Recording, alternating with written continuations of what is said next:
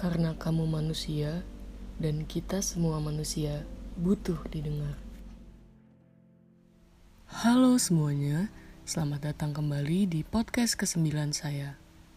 Ngomong-ngomong soal ekspektasi nih, kira-kira kalian pernah gak sih di posisi sebagai orang yang ditumpu harapan?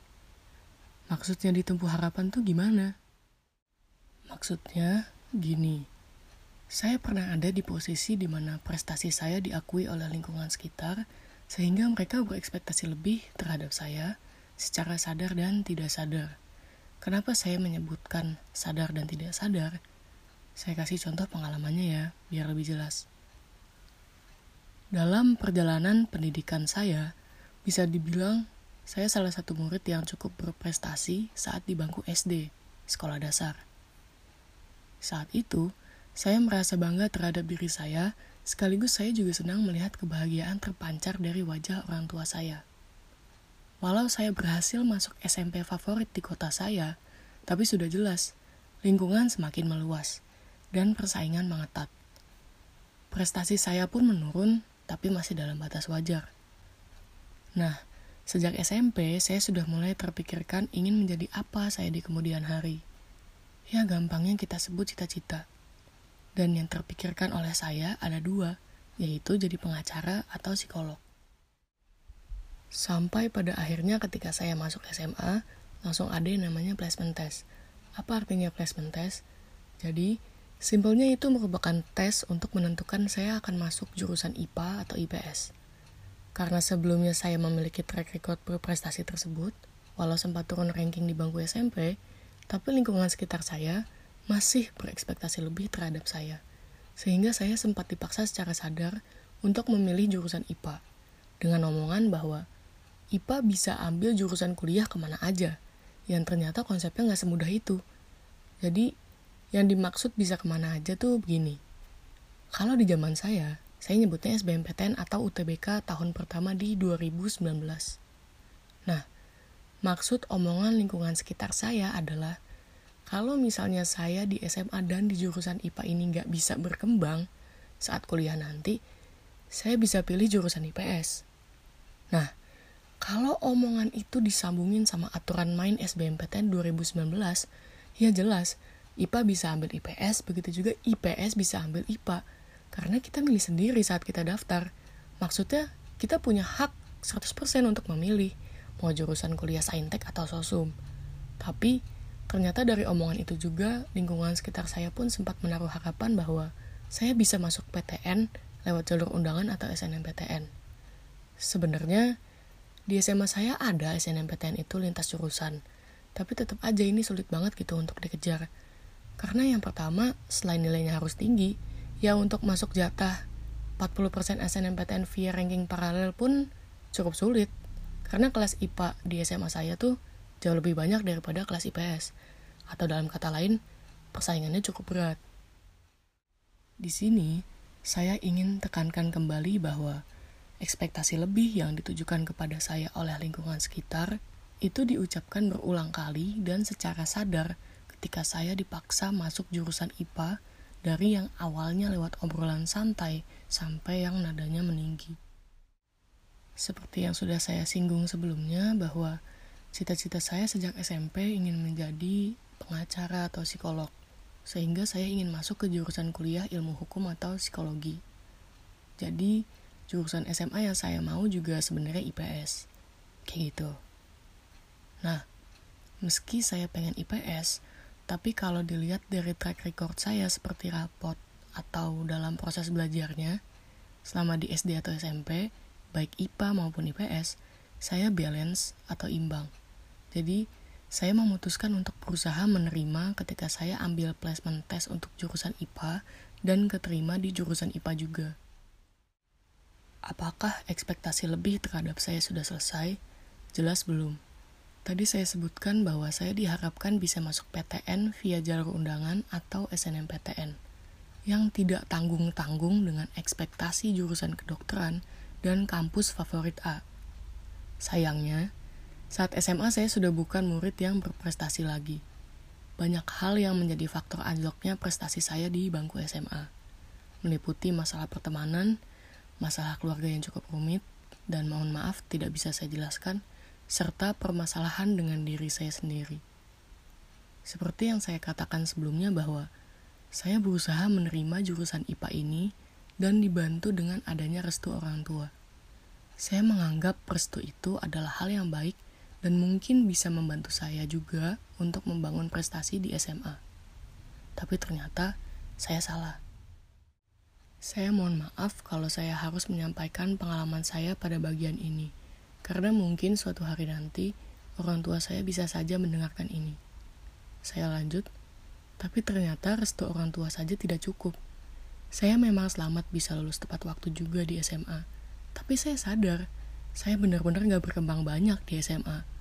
Realitanya, ada orang di luar sana yang dengan restu orang tua, meski bukan jurusan yang dia mau, dia tetap bisa beradaptasi sehingga berprestasi. Saya garis bawahin, setiap orang beda-beda. Dan saya bukan termasuk orang yang tetap bisa berprestasi dengan restu orang tua dan adaptasi dengan jurusan yang bukan keinginan saya. Jujur, saya juga salah ketika kelas 11, saya meninggikan harapan mereka dengan mengiyakan untuk mengejar jalur undangan atau SNMPTN, jurusan kedokteran dan kampus favorit A. Tapi, ketika saya menjalani prosesnya, ternyata itu bukan saya banget. Saya nggak terlalu paham sama pelajaran kimia. Saya juga nggak mau maksain diri ketika saya tahu setiap profesi pastinya ada tanggung jawab besar, dan terlebih dokter tanggung jawabnya sama nyawa manusia. Jadi, saya mikir saya nggak boleh egois memaksakan kedokteran, bahwa ketika saya sadar, saya sendiri juga nggak mampu saya mulai berhenti mengejar kedokteran dan kampus favorit A, lalu melakukan negosiasi jurusan kuliah. Perlahan mereka mengerti itu dan menuruti saya untuk pindah kelas bimbel dari IPA ke IPS. Oh iya, saya sudah bulat untuk memilih jurusan kuliah psikologi nantinya. Setelah negosiasi jurusan di tempat bimbel berhasil, waktu yang saya punya juga cuma sebentar. Karena saya pindah kelas di bimbel itu waktu kelas 12 atau kelas 3 SMA di semester 2. Kenapa saya bilang cuma sebentar? Gini, saya tahu dan saya pernah dengar cerita orang yang lintas jurusan otodidak dan dia hanya membutuhkan waktu dua minggu sampai satu bulan untuk uh, mengikuti ujian dan hasil akhirnya adalah dia dapat di PTN.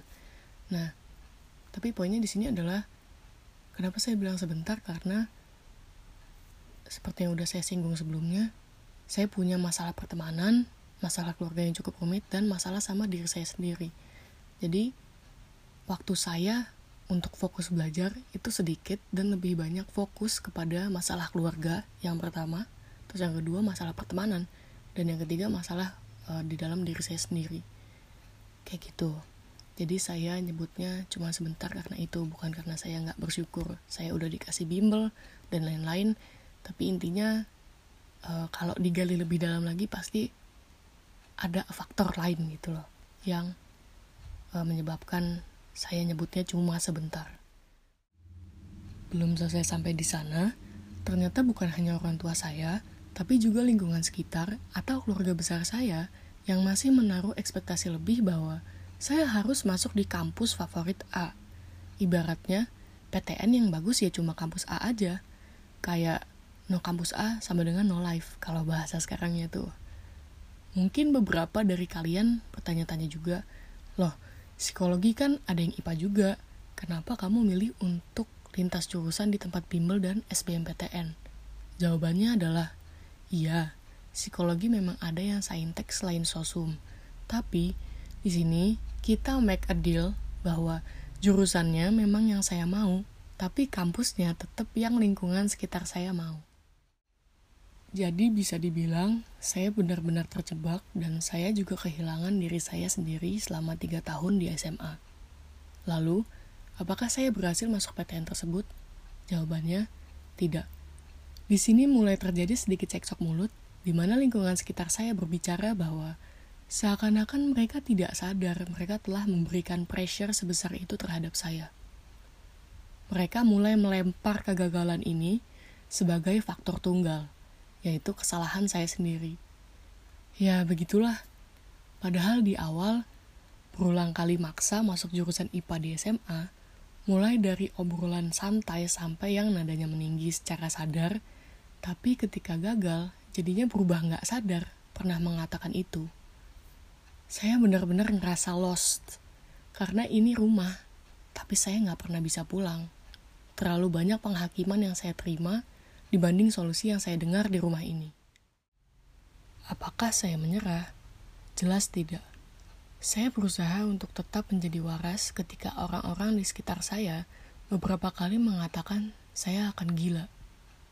Perlahan, saya berusaha menerima keadaan. Saya pun sadar bahwa ketika saya mengikuti SBMPTN dan ujian mandiri untuk kampus A, saya pun terus berdoa supaya ditolak di sana. Karena itu benar-benar bukan keinginan saya dan Tuhan mengabulkan itu. Saya pun sadar, ambisi saya dikelilingi oleh emosi negatif seperti saya ingin membuktikan kepada orang-orang yang telah merendahkan saya di SMA bahwa saya tetap bisa masuk di jurusan yang saya mau dan PTN yang bergengsi seberat apa pun kehidupan saya. Saya tidak merasa kegagalan masuk PTN merupakan 100% kerugian untuk saya.